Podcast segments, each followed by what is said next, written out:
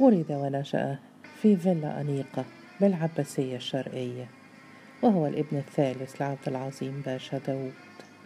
مقبول الوجه رياضي الجسم مدمن منذ صغره للهو واللعب والمزاح والعربدة لا تصدر عنه كلمة جد واحدة. أخواه اللذان سبقاه كانا غاية في الجد والاجتهاد. لذلك قال خلقت لأحدث التوازن الضروري في الأسرة. ويتابع عبد العظيم باشا عثراته المدرسية بمرارة ويقول له ستكون عارا على نفسك وأسرتك. ولكنه لم يكن يكترث لملامه ولم يحتفظ من سجايا أسرته إلا بالكبرياء والغرور والنظرة إلى الآخرين من علي حتى أهله. كآل عمرو وسرور أضمر لهم الإزدراء وحنق على المتفوقين منهم. ولم يسلم من لسانه إلا عامر الذي تزوج من شقيقته عفت. أما آل مراكيبي فكان يدعهم رغم ثرائهم في الدرجة التي كرستها لهم أسرة داود باعتبارهم أشباه أميين ومن صلب رجل كان يبيع المراكيب ولم يكن يتورع عن إغواء قريباته الجميلات اللاتي يقاربن سنه مثل جميلة وبهيجة ابنتي سرور أفندي أو دنانير بنت رشوانة. لولا ثقل التقاليد ويقظة الأمهات. ولعل حامد كان الوحيد الذي يعمل له ألف حساب لقوته واستعداده الفطري للعنف. فحقد عليه ولم يصفى ما بينهما إلا حين جمع بينهما سوء المصير في أواخر العمر. وفي صباه ومراهقته وبتدليل أمه له أتقن السباحة والكرة والقمار والخمر والعشق والمزاح. وامتاز أيضا بصوت عذب فكان يقول بغروره المعهود لولا تقاليد الأسرة لكنت مطرب العصر. وبعد صراع طويل مع المدرسة قرر الالتحاق بمدرسة الشرطة واستاءت الأسرة رجالا ونساء. وقال له أبوه نحن أسرة قانون وطب. فاعترف له قائلا لا صبر لي على المذاكرة. ولما التحق بالمدرسة وجد حسن محمود عطا المراكيبي بالسنة النهائية وحامد بالمرحلة الوسطى. فكان عليه أن يؤدي لهما في نطاق التقاليد المدرسية فروض الذل والطاعة. وكان أهون على نفسي أن يؤدي ذلك لأي جندي. ومرة تناول الثلاثة الغداء عند راضية وهناك تحرر من واجباته والتزاماته وخاض خاضوا ثلاثتهم حديث الأصل في مفاخرة ساخرة. فذكرهما بأصله وعيروه بأصله. قال له حامد أنتم بشوات حقا ولكنكم من طين الأرض خرجتم وتابعت راضية حديثهم باسمة ثم قالت الكل في النهاية من صلب آدم وحواء. وليس في الأسرة كلها من بطل إلا أبي الشيخ معاوية. وكان حليم يعتبر راضية من عجائب هذه الدنيا بدروشتها وسحرها وأورادها وعفرتها. ويقول لأمه لولا الحظ لاتخذت مكانها الطبيعي بين مكذوبات الباب الأخضر. وتهتف به أمه. إياك أن تمس بسوء.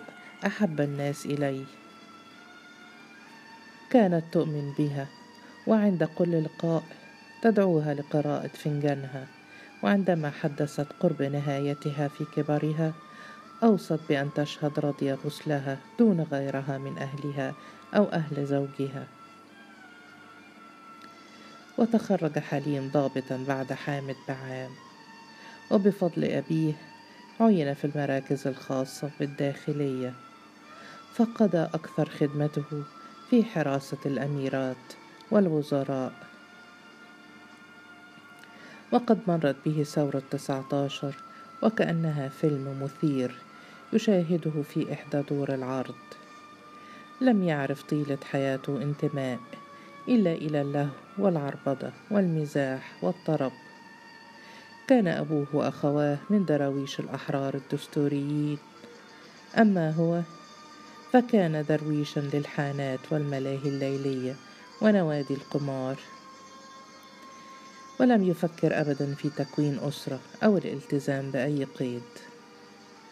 وقد اختار لنفسه شقة في عمارة بشارع النيل هي التي دل عليها حامد بعد طلاقه. وزينها بهدايا الأميرات والوزراء وشهدت من بنات الليل والفنانات أشكالا وألوانا. ولم يكن يتورع حتى عندما ارتفعت رتبته أن يقضي سهرة في عوامة مونولوجيست يسكر ويعربد ويغني. ثم يرجع عند الفجر إلى مأواه وهو يترنح. وقد ساءت العلاقة بينه وبين والده وبينه وبين أخويه. وبذلت محاولات عقيمة لتزويجه ومع الأيام غلبهم بروحه المرحة فغزا قلوبهم وبيتهم حتى سلموا به كشر لا بد منه. بل لعله كان أمتع شر في أسرتهم. ولما قامت ثورة يوليو نقل إلى التفتيش. أجل كان أحسن حظا من حامد وحسن ولكنه عانى العمل الجاد لأول مرة على كبر. إلى هذا فقد أظهر للثورة حنقا من أول يوم وتساءل كيف يسرق الحكم أناس؟ لا ميزة لهم إلا استحواذهم على السلاح. وهل يحق قياسا على ذلك أن يتحول قطاع الطرق إلى ملوك؟ وما هذا الذي يحدث للأسر الكريمة؟ وكيف تلغى البشوية بجرة ألم وكيف يخاطب بعد اليوم أباه وشقيقه الأكبر؟ وكيف يؤدي هو سلام التعظيم لضباط يماثلونه في الرتبة أو أقل عنه؟ والأدهى من ذلك أنه يوجد من آل مراكيب ضابطان يعتبران من الصف الثاني من الحكام وأن حكيم ابن سميرة يلحق أيضا بهيئة الحكام. حقا لقد انقلب العالم فصار عاليه أسفله وصار أسفله عاليه اضطرمت في قلبه نيران الغيرة والحنق وتكهم بكل غضب للعالم الجديد الذي تكهمه وشد ما فرح بالعدوان الثلاثي فظن أن الستار سيسدل على المهزلة ويستقيم حال الدنيا. ولكن الحوادث خيبت أمله. واستقبل الزعيم حياة جديدة كلها فتوة وبطولة. وفي الستينيات توفي أبوه وتبعه شقيقه الأكبر بعد عامين. فتضاعفت غربته وآساه وأفرط بلا حرص في لهوه وعربدته. وكان يقضي ليلة في شقة فاخرة تدار للقمار. السري عندما كبسها البوليس وأظهر شخصيته لرئيس القوة ولكنه تعامى عن ذلك. وساقه مع الآخرين إلى قسم شرطة قصر النيل. ولم تنتهي المسألة إلى خير. فأرسل إليه وزير الداخلية يطالبه بتقديم استقالته تفاديا لما هو أسوأ.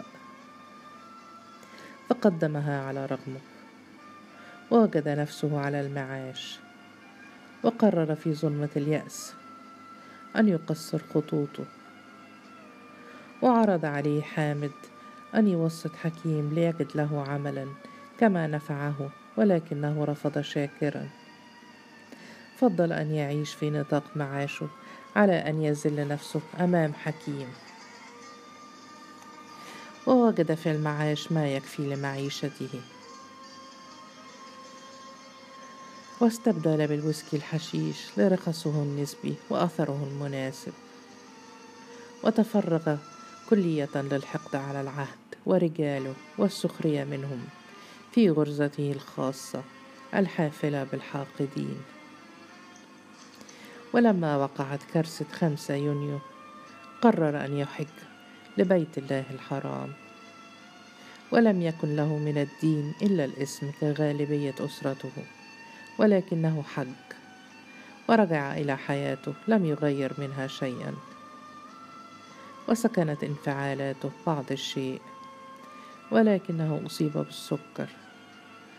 ولم يكن يملك من الإرادة ما يواجه به متطلباته من الرجيم فاستفحل معه وحصلت له مضاعفات متلاحقة. وذات مساء اتصل تليفونيا بجاره وقريبه حامد وقال تعال أنت وعصمة هانم إني أحتضر.